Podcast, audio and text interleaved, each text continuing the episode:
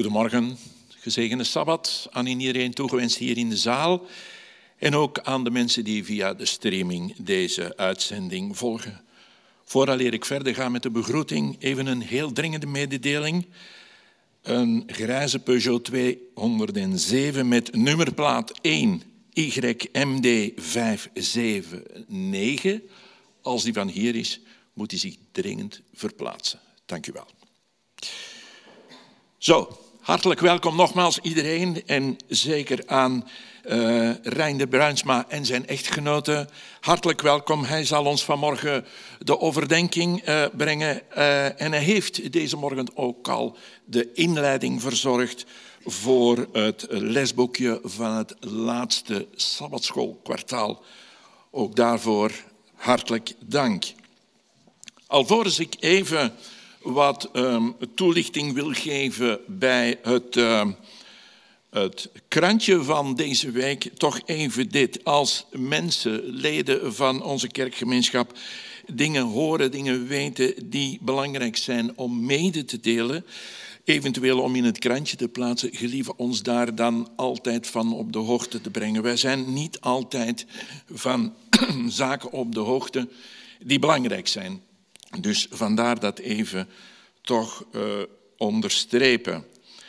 Verder staat er heel wat info in het krantje en ik pik daar uh, uit dat de diaconie ons heeft gemeld, uh, zoals iedereen al bijna zal weten, dat Simon van Berkelaar was opgenomen in het Sint-Vincentius, maar vanaf dinsdag verhuist zij naar het Revarte om daar te revalideren in Edegem. Verder um, is van belang dat u uh, haast maakt met het opgeven van de nieuwe uh, boekjes, ook van het, het tijdschrift, uh, omdat Andrea Goedschalks haar bestelling zou kunnen afronden. Dit is wel heel dringend. Um, nog even over de verwarming. Ja, het is een probleem bij ons thuis, maar het is ook een probleem in de kerkzaal. Dus wij willen u vragen van de komende weken u toch altijd een beetje te voorzien en misschien een extra trui uh, aan te doen, zodanig dat ook wij hier de verwarming een graadje of twee kunnen laten zakken. Um, voor de rest raad ik u aan het, het krantje ter harte te nemen. Er staat heel wat info ook nog in over Oekraïne, maar ook over andere plaatsen die vandaag de dag uh, getroffen worden door uh, allerlei noden. En vandaar ook de algemene oproep van Adra, geef een gift, alstublieft. Zo dat wat betreft de aankondigingen, ik wil u nu een tekst voorlezen uit de psalmen. Luister mijn volk naar wat ik leer. Hoor de woorden uit mijn mond. Ik open mijn mond voor een wijze les. Spreek uit wat sinds lang verborgen is. Wij hebben het gehoord, wij weten het. Onze ouders hebben het ons verteld. Wij willen het onze kinderen niet onthouden. Wij zullen aan het komend geslacht vertellen van de roemrijke, krachtige daden van Yahweh, van de wonderen die Hij heeft gedaan. We willen nu deze eredienst openen met gebed. Laten wij uh, onze hoofden daarvoor buigen.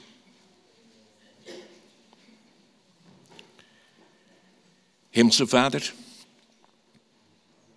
koning van ons leven, schepper van hemel en aarde, na een week van zorgen, van een, een week van werken, een week van vreugde ook, tevredenheid, zijn we blij dat we hier kunnen zijn. Dat we de kans nog hebben om hier te kunnen zijn. En dat wij samen met vrienden onder elkaar, met broeders en zusters, mogen nadenken over uw woord. Dingen mogen horen die ons alleen maar kunnen helpen in ons dagdagelijks leven. En we zijn hier vanmorgen samen om u eer te brengen. Vader, wees als eregast hier in ons midden. En luister naar onze woorden. Luister naar onze liederen die wij zullen opdragen ter ere van u. We denken ook aan zij die hier vanmorgen niet kunnen zijn, om allerlei redenen.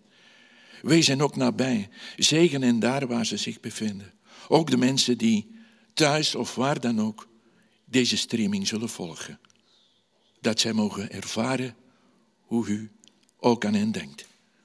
Heere God, wij zijn zo dankbaar dat woorden soms tekortschieten. Maar wij bidden u dit alles in Jezus Christus heilige naam. Amen. Goedemorgen, fijn dat jullie weer allemaal zijn. En ik ga jullie uitnodigen om op te staan en met ons mee te zingen. Ik hoop dat jullie vanuit de warmte van je hart meedoen, zodat het hier binnen ook warmer mag worden en dat we de kuilen goed kunnen buiten brengen. We gaan starten met Machtig God, sterke rots. U alleen bent waardig. U kent het vast allemaal wel. Zingt er maar van harte mee.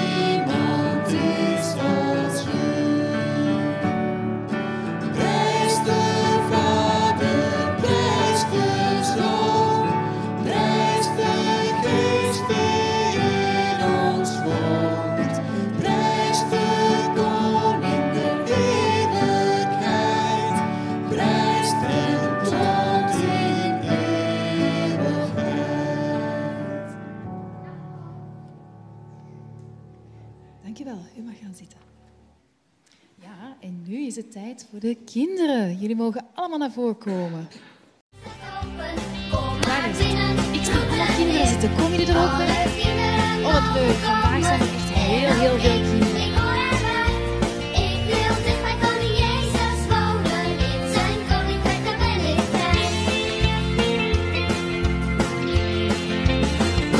Oh, wat leuk. Zeg dat jullie er allemaal zijn. Zeg, ik heb een vraagje voor jullie. Wie kan er heel hoog springen? Oh, doe maar. Wie kan er hoog springen? Laat eens zien. Wauw, kan jij ook hoog springen? Ja, oh, dat is heel hoog. En wie kan er heel hard lopen? Kunnen jullie hard lopen? Daniel, ga je dat eens laten zien? Van hier naar daar? Ja, doe maar. 1, 2, start. Lopen, lopen, lopen. Wauw, maar dat is knap. Zeg, en wie kan er goed tellen? Kan je goed tellen? Tel eens 1 tot en met 10. 2, 3, 4, 5, 6, 7, 8, 9, 10. Wauw, jullie zijn allemaal knappe kinderen en knappe leerlingen. Zeg, vandaag gaat het over de leerlingen van Jezus. De leerlingen van Jezus, die waren onderweg. Ze waren onderweg van Capernaum. Wauw, wat is, een mooie dag, wat is het een mooie dag vandaag, zeiden ze. En Andreas die zei, oh, weet je wat? Wij zijn geen vissers meer. Wij zijn nu door Jezus gevraagd om vissers van mensen te worden. En weet je, wij gaan heel goed leren uit de boeken en we gaan aan alle mensen vertellen over God. Dat is wel belangrijk hè, om te kunnen vissen, maar het is belangrijker om mensen over Jezus en God te vertellen. Want weet je wat? Misschien komen ze dan wel naar de synagoge of laten ze zich dopen. En terwijl de leerlingen zo met elkaar aan het praten waren, was Jezus helemaal alleen voorop gewandeld. Hij vond het helemaal niet erg dat de leerlingen een stukje achter hem waren en dat die tegen elkaar aan het praten waren. Want zo kon hij eventjes tot rust komen in alle stilte en genieten van de stilte en van al het moois om hem heen. Jezus hoort niet waar de leerlingen over praten. En weet je wat de leerlingen zeggen? Er is een leerling en die zegt: Zeg, wie van ons is de beste leerling van de leraar Jezus? De leerlingen kijken elkaar aan. Wie zal de beste zijn? Ik denk dat ik het beste kan onthouden. En jij kon heel goed tellen, hè? weet je het nog? En er is een leerling die zegt, ik kan heel goed onthouden. En de leerlingen kijken elkaar aan. En er is een andere en die zegt van, ik leer veel beter. Ik denk dat ik de beste ben. Maar een derde leerling die zegt, ik ben de beste van allemaal. Want straks wordt Jezus misschien wel koning van Israël. En dan, denkt een andere leerling hardop, dan zal hij op een troon zitten met een kroon op zijn hoofd. En ik wil hem helpen, want ik kan heel goed praten en ik ben slim. Ik wil wel naast Jezus zitten, aan zijn rechterhand. Weten jullie wat links en rechts is? Is er iemand dat dat weet? Ja. Ja, ga even omdraaien. Hè? Links en rechts. Heel goed. Ehm, ik wil aan zijn rechterhand zitten en iedereen zal kunnen zien dat ik heel belangrijk ben, denkt die leerling. En als Jezus koning wordt, dan wil ik hem ook helpen, zegt weer een andere leerling. Want ik kan heel goed voor het geld zorgen in de schatkist. En ik kan heel goed tellen. 1, 2, 3, 4 enzovoort. Dus dan zal ik mooie spullen kopen voor de koning en ik ga heel belangrijk zijn. Misschien laat koning Jezus wel een paleis bouwen. Dat lijkt me mooi, zeggen de leerlingen blij. We zullen met z'n allen in het paleis wonen, fantaseren ze verder. In de keuken zal er lekker eten voor ons zijn en ik zie mijzelf ook wel naast koning Jezus zitten, aan zijn linkerkant, denkt de andere leerling. De dienaren die gaan mij bedienen. Ze zullen mijn voeten wassen en Jezus zal op de troon zitten en dan wil ik de minister worden. Ik zal in een paard en wagen door de stad kunnen rijden. Wie is er belangrijk? De leerlingen bedenken allemaal belangrijke dingen. En ze fantaseren over Jezus, want ze zijn heel zeker dat hij koning gaat worden. Wat zal dat een geweldig feest zijn? En als dat gebeurt, dan willen alle leerlingen heel, heel dicht bij Jezus zitten. Links of rechts van zijn troon, dat maakt al niet uit. Maar weet je wat de leerlingen doen? Ze beginnen al bijna ruzie te maken. Oei, nu is de wandeling niet meer zo fijn, want ze zijn aan het ruzie maken. En elke leerling wil de beste helper van Jezus zijn. Ze willen niet de laatste zijn, ze willen de eerste zijn. En Jezus is ondertussen thuisgekomen. En de leerlingen die komen een beetje later aan, want die waren achter hem aan het wandelen. En Jezus denkt erover na, waar hebben zij over gepraat? En hij vraagt het aan de leerlingen. Zeg, leerlingen, waar hebben jullie over gepraat? Hij kijkt naar de gezichten van de leerlingen en zagen ze er blij uit? Weet je het nog? Nee, hè? ze waren niet blij, want wat waren ze aan het doen? Ze waren ruzie aan het maken. Ja, dus ze waren niet blij.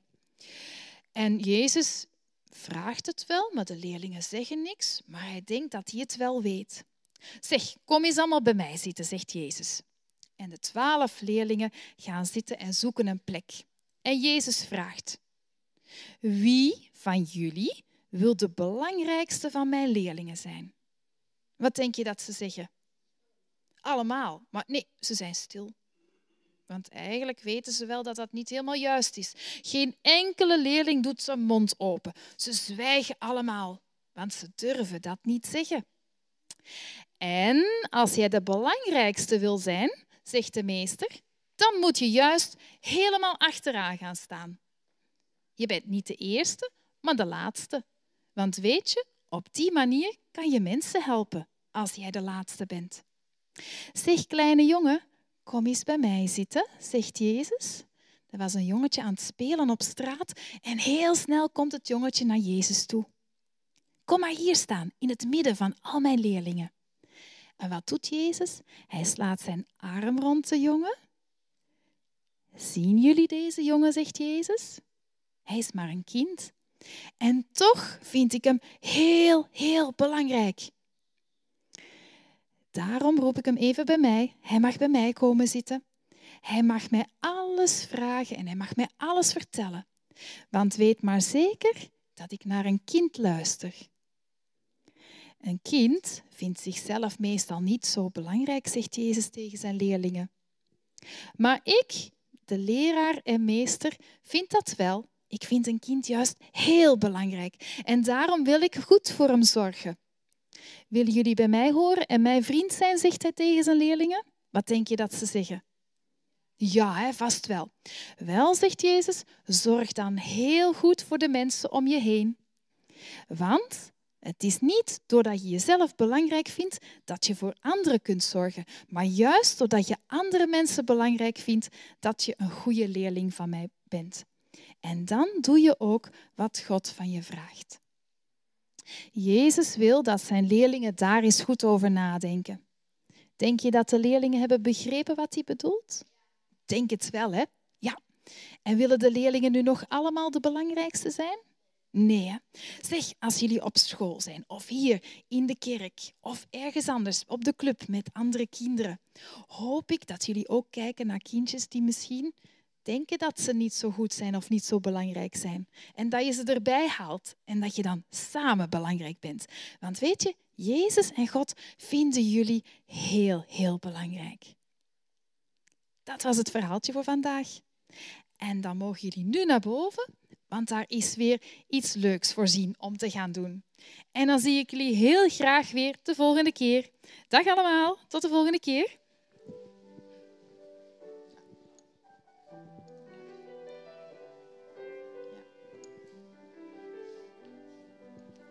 Zo, en dan voor de volwassenen mag ik jullie vragen om op te staan. We hebben hier een lied dat jullie waarschijnlijk niet kennen. Heel sommigen misschien van heel vroeger. Maar als ik een Bijbeltekst doorgestuurd krijg dat perfect aansluit bij een lied, dan kan ik dat echt niet laten liggen. Dus wij gaan zingen over de zaligheid is van God. Een tekst uit Openbaring.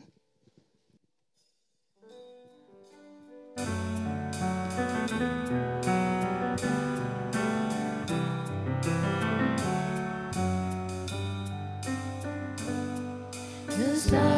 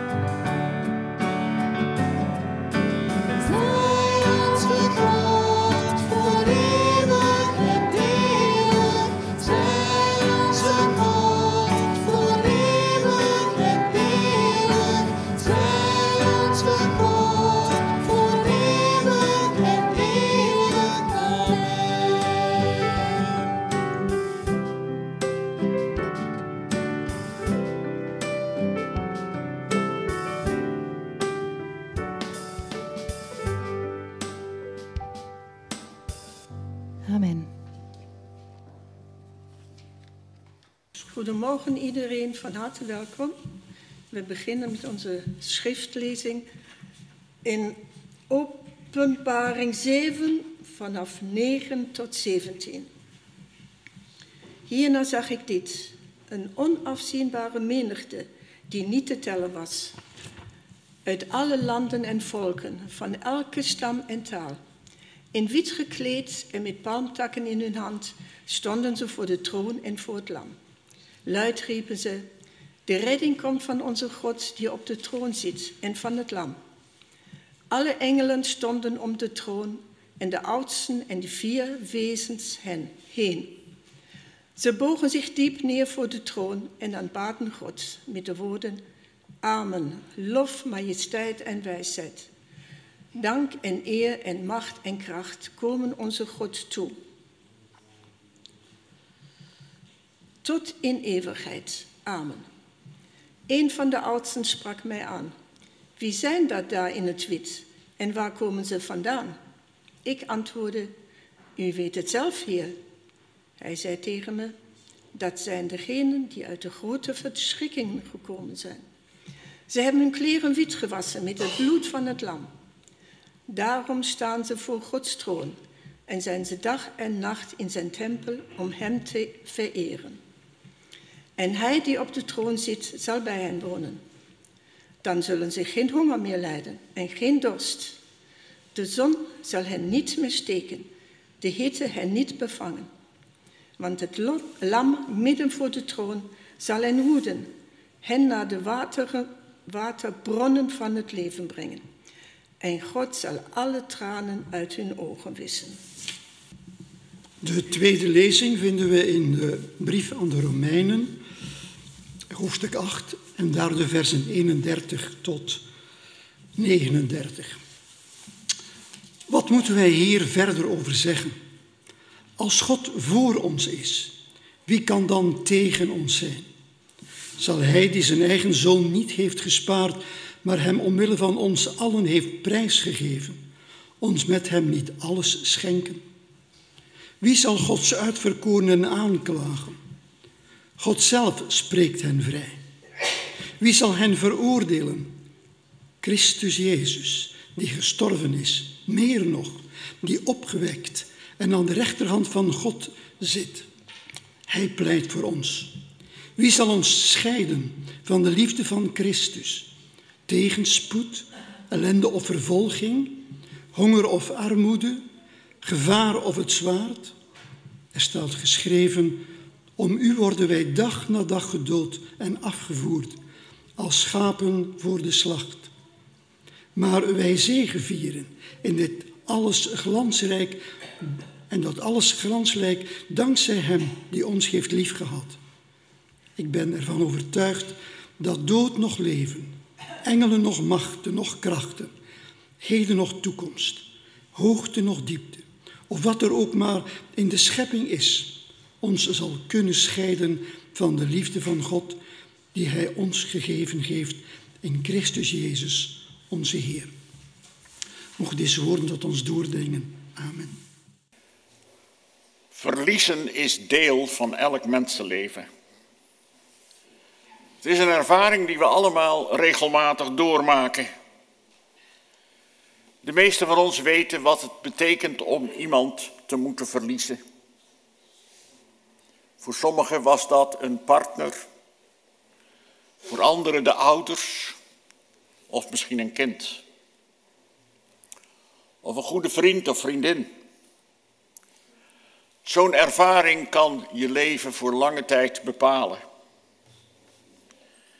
Het gaat een grotere rol spelen naarmate je ouder wordt. Ik ondervind dat ook regelmatig. Dat er mensen zijn die je kende als volwassenen van middelbare leeftijd. Mensen die ouder geworden zijn. En nu hoor je opeens, hij of zij is er niet meer. En dan vraag je je af, was die dan al zo oud? Zijn soms mensen die klagen en die zeggen, ik ben nog alleen overgebleven. geen ouders meer. Mijn broers en zussen zijn allemaal overleden. Ook de meeste vrienden. Ik ben iedereen kwijt. We verliezen niet alleen mensen doordat ze sterven. We verliezen soms ook het contact met anderen. Soms ouders met hun kinderen. Soms is er een kloof die niet meer overbrugd kan worden. En soms verliezen we vrienden uit het oog. Het komt voor dat mensen hun werk verliezen. Dat het bedrijf van de ene dag op de andere wordt gesloten. En dat ze het moeilijk vinden om een nieuwe baan te vinden, zelfs in deze tijd van lage werkloosheid. Want ze krijgen te horen dat ze eigenlijk te oud zijn. Of overgekwalificeerd. Of niet in het team passen. We horen regelmatig van rampen, oorlog. We zien de beelden van onlangs Pakistan, de overstromingen, Oekraïne, Florida. Mensen die alles verliezen. Hun bezit, hun huis. Mensen die moeten vluchten. Weg uit hun vaderland. Je kunt op heel veel verschillende manieren verliezen. Je gezondheid. Je geld. Je goede reputatie. Ook je humeur. Je kunt soms ook van jezelf verliezen. Je hebt plannen gemaakt, maar het lukt je niet ze uit te voeren. Je wilt je leven een bepaalde richting geven, maar te vergeefs. Je kunt een bepaalde karaktertrek, maar niet de baas worden. En elke keer verlies je dan van jezelf. Tegen die achtergrond doet onze tekst toch wel erg optimistisch aan. De NBV zegt, in dit alles zijn wij meer dan overwinnaars. Bijbel in gewone taal. Hoe zwaar het ook wordt, we zullen alle moeilijkheden te boven komen.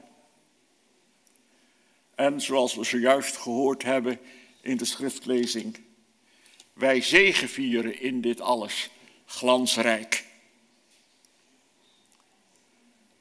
En dat lijkt zo anders dan de realiteit.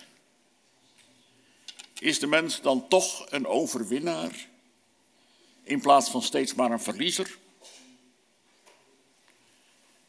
Kijken we naar de Bijbelse geschiedenis. In vogelvlucht. Gods volk in het Oude Testament, ja. Je kunt toch niet zeggen dat dat een geschiedenis is van alleen maar overwinningen? Waar alles glansrijk was van voorspoed. En dat kun je toch ook niet zeggen van de hoofdrolspelers in het Nieuwe Testament? Twaalf apostelen, die allemaal heel veel tegenslagen moesten ondervinden. En dan Paulus. Dat was toch ook niet het prototype van een overwinnaar? Dat was toch niet iemand voor wie alles meezat in het leven? Lees maar eens in 2 Korintiërs 11, waar Paulus zich vergelijkt met zijn collega-apostelen. En dan zegt hij, ja, ik heb harder gezwoegd dan allen. Ik heb vaker gevangen gezeten. Ik heb meer lijfstraffen ondergaan, ben vaker in doodsgevaar geweest. Dan gaat hij verder. Door de Joden ben ik vijfmaal met veertig min één zweepslagen gestraft. Ik ben eenmaal met stenen bekogeld. Ik heb driemaal schipbreuk geleden. Eenmaal heb ik een heel etmaal op zee rondgedreven. Voortdurend was ik onderweg. bedreigd door rivieren, rovers, volksgenoten en vreemdelingen, in gevaar in de stad, in de woestijn, op de zee, te midden van schijngelovigen. Ik heb geploeterd en gezwoegd, vaak zonder te slapen, hongerig en dorstig, vaak zonder te eten en zonder kleren. Dat is toch niet het verhaal van een overwinnaar? Welke troost heeft de Bijbel voor mensen die tijdens hun leven in de rol van verliezer terechtkomen? Het traditionele antwoord van veel christenen is wel, de troost is dat dit leven uiteindelijk niet het einde is. Er komt iets na dit leven. En in het leven hierna kom je uiteindelijk als overwinnaar uit de bus. Dan sta je bij die grote menigte waarover we zojuist in de schriftlezing hebben gehoord. Die grote schare van overwinnaars die niemand tellen kan. En zegt men er dan bij, dat zal Jezus toch ook bedoeld hebben toen hij zei, wie zijn leven hier verliest, die zal het alsnog vinden. Maar is dat alles wat de Bijbel ons vertelt? Is dat de inhoud van het volle evangelie? Hebben de critici van de Bijbelse boodschap dan misschien toch gelijk als ze zeggen dat het evangelie een soort zoethoudertje is? Zo in de trant wanhoop maar niet. Er mag dan hier een hoop ellende zijn, maar straks in de hemel komt alles goed. Verzet je maar niet tegen dat onrecht dat je overal ziet. Probeer je lot maar niet te veranderen. Want uiteindelijk het duurt toch maar kort. En straks ben je het allemaal vergeten. Nu verlies je misschien, maar straks ben je een overwinnaar. Weet u, dat is maar de halve waarheid. Dat is niet alles wat de Bijbel ons te zeggen heeft. Paulus in Romeinen 8 bagatelliseert de ellende van nu niet. Hij spreekt ook over het lijden van deze tijd. En hij zegt dat kun je niet wegdrukken. Je kunt het niet ontkennen.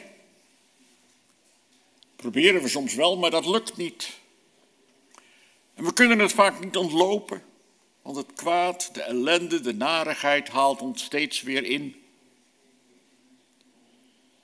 En dat komt omdat het hele leven, de hele wereld waarin wij leven, aangetast is door het kwaad. Het heeft een demonische dimensie. En dat kwaad maakt ons tot slaaf. Slaaf van andere mensen. En van allerlei systemen die over ons heersen. Die slavernij van de mens, die slavernij van het kwaad, vraagt om emancipatie. En de gelovige is het daarmee eens. Maar daarmee ben je er niet. Want uiteindelijk gaat het in de eerste plaats om verlossing van het kwaad. Het kwaad is negatief. Het is geen onderdeel van Gods oorspronkelijke plan. Het strookt niet met Gods oorspronkelijke bedoelingen. En daarom mag het ook nooit vergoeilijkt worden van zo is het nu eenmaal. Het leed mag ook niet worden gezocht.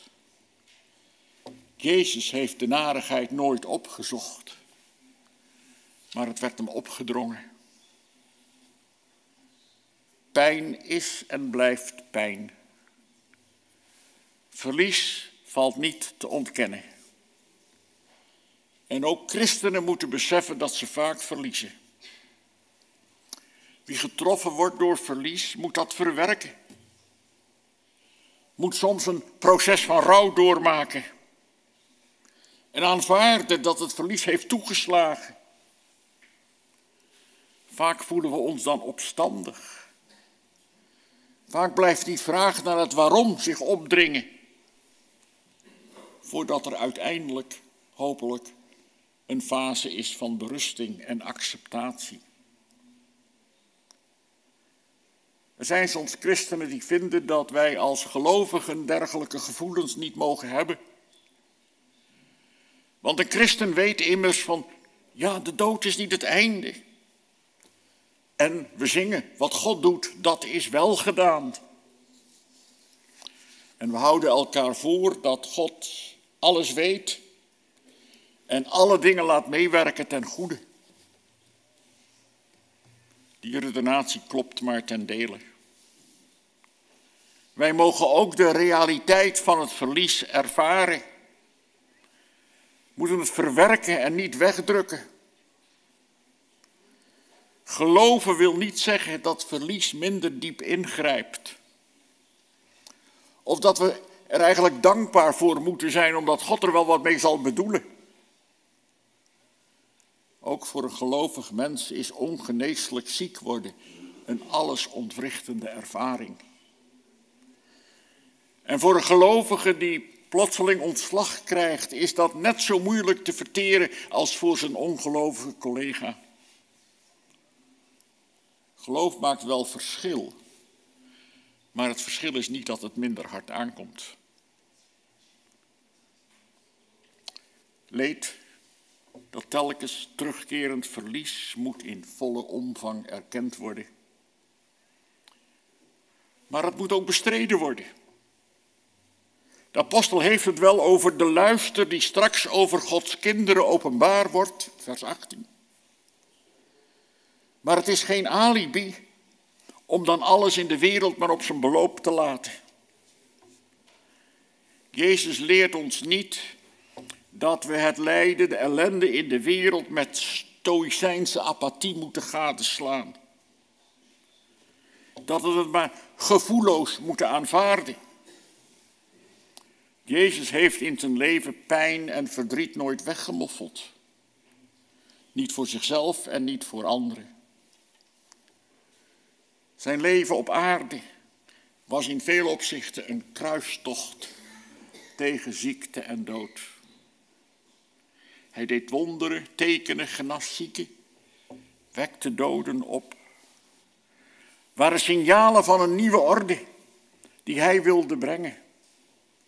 Het liet iets zien in fragmentarische en voorlopige vorm van het koninkrijk dat hij wilde oprichten. Hij had maar een paar jaar voor zijn taak onder ons. Maar een aanzienlijk deel van die paar jaar besteedde hij aan het terugdringen van ellende en ziekte en dood. Zijn boodschap was steeds gebaseerd en gefocust op naaste liefde.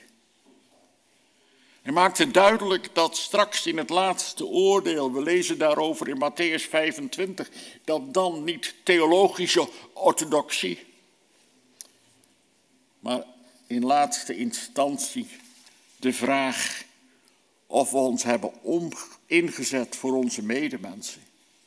Dat dat de vraag is die telt. Wat we hebben gedaan voor hongerigen en dorstigen en naakten en vreemdelingen, zieken en gevangenen, zoals het er staat.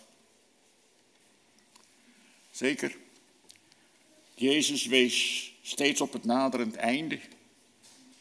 En zijn wederkomst en voorbereiding daarvoor. Maar het had nooit de consequentie om dan maar dat leed in de wereld blind te accepteren. En verder alleen maar van die hemelse zaligheid te dromen. Ja, wat kunnen we er verder van zeggen? Dat waren ook de woorden waarmee onze tweede schriftlezing begon. Wat zullen we dan nog verder van deze dingen zeggen? We zijn verliezers. En dat geldt voor ons allemaal. En onze opdracht is om solidair te zijn met elkaar. Maar houdt het daarmee op? Nee, want de boodschap van de apostel Paulus is dat we verliezers zijn, maar dat we tegelijkertijd ook glansrijk overwinnen. En wel op een heel speciale manier, zegt hij, namelijk dankzij Hem, die ons zijn liefde heeft bewezen. Hoe kun je in vredesnaam een overwinnaar zijn bij je verlies? Weet u hoe dat kan? Dat kan ik u niet uitleggen. Maar dat het kan, daarvan zijn bewijzen in overvloed.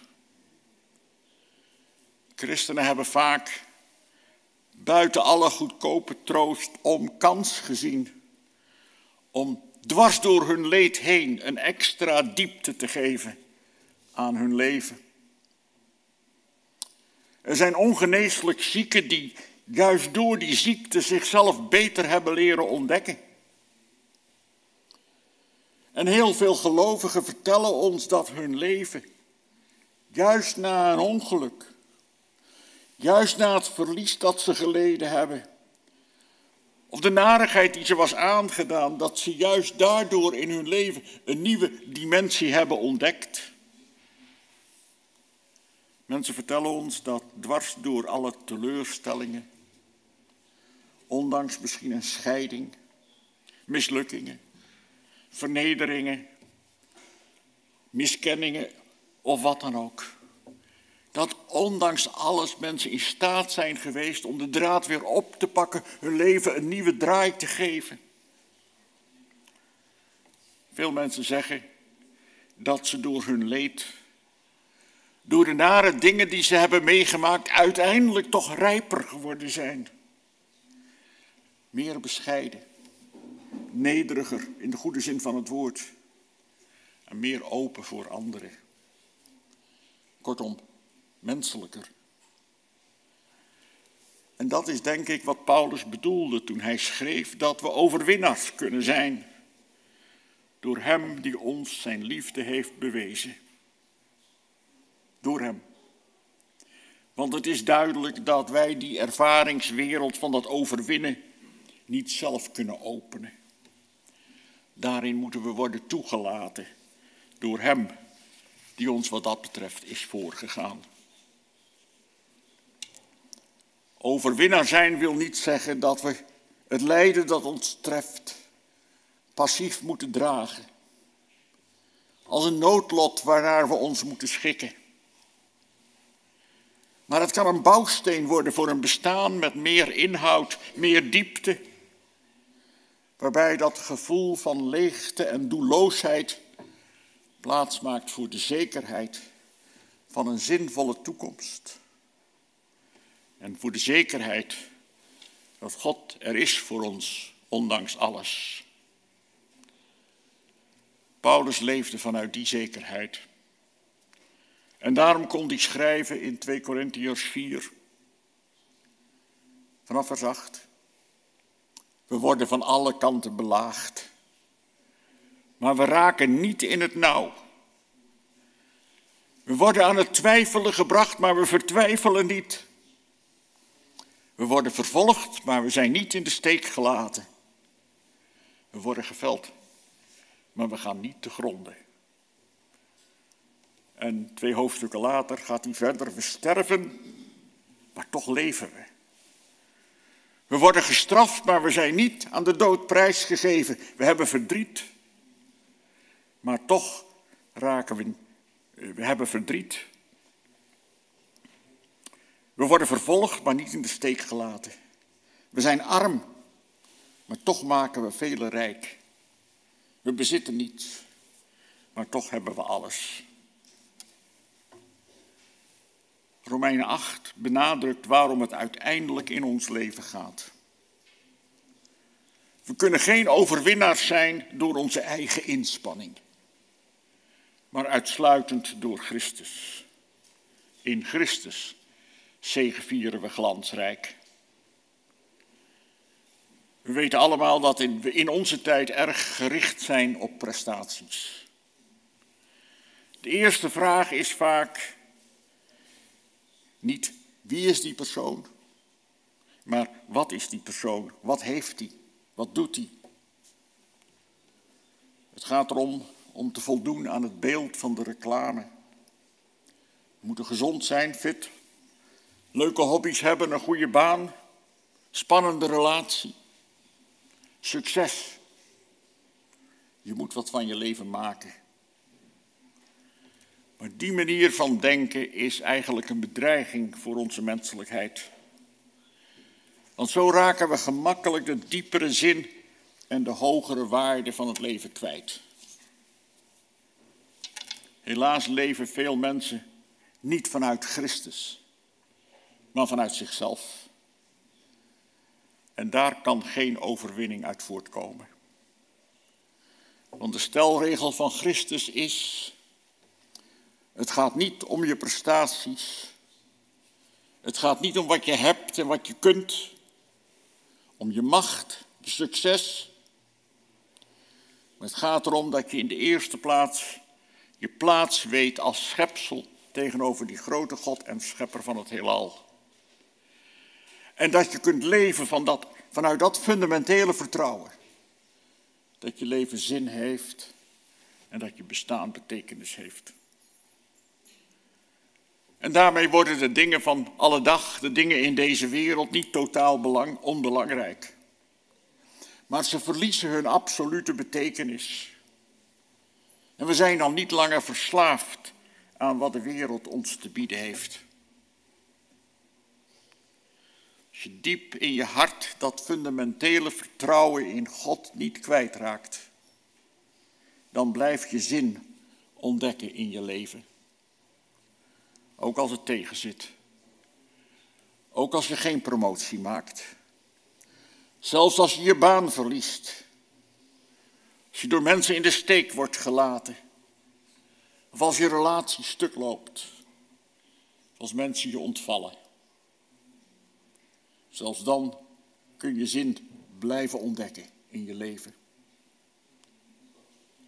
Overwinnaar zijn is ook mogelijk voor degene die failliet gaat. Voor degene die eenzaam is, voor de bijstandsmoeder, voor de persoon met een strafblad, iemand die in de schulden zit, iemand die zijn studie niet heeft afgemaakt. Ook als de wereld geen waardering heeft, blijft de zekerheid dat er uiteindelijk wel aandacht en waardering is van Hem van wie het echt afhangt.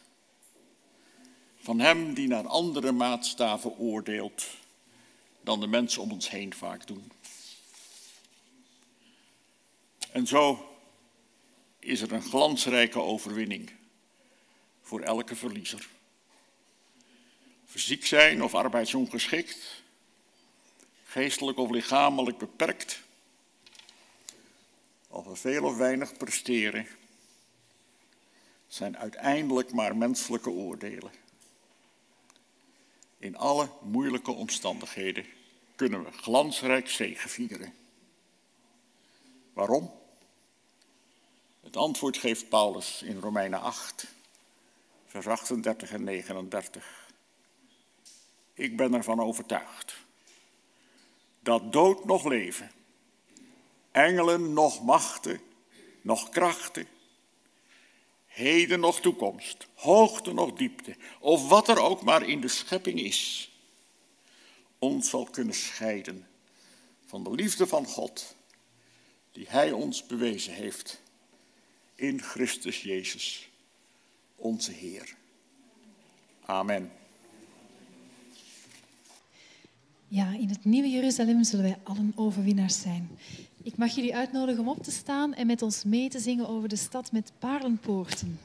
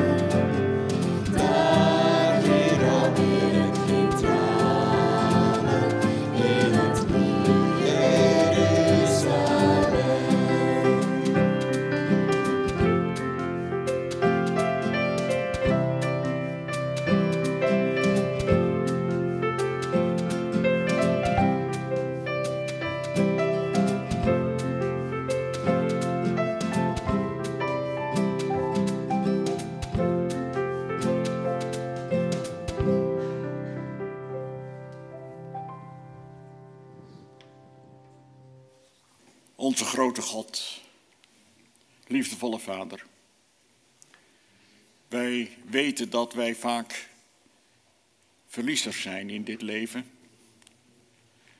Dat wij vaak dingen verliezen, mensen verliezen. Dat we zelf van onszelf verliezen. En Heer, geef ons de kracht om dat onder ogen te zien. Maar we danken u voor het feit dat we tegelijkertijd door u glansrijk kunnen overwinnen.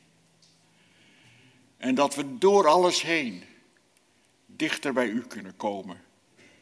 Zin en betekenis kunnen vinden in het leven. Heer, geef dat we met dat besef nu ook van hier kunnen gaan en straks de nieuwe week tegemoet gaan. Dat vragen we voor onszelf, dat vragen we voor al degenen die hier in de kerk zijn en voor degenen die met ons meegeluisterd en gekeken hebben. Maak ons, Heer, glansrijke overwinnaars. En dan zeggen we u dank dat we nu met uw zegen deze dienst kunnen afsluiten. De liefde van God de Vader, de genade van onze Heer Jezus Christus en de gemeenschap van de Geest, zij en blijven met ons allen. Amen.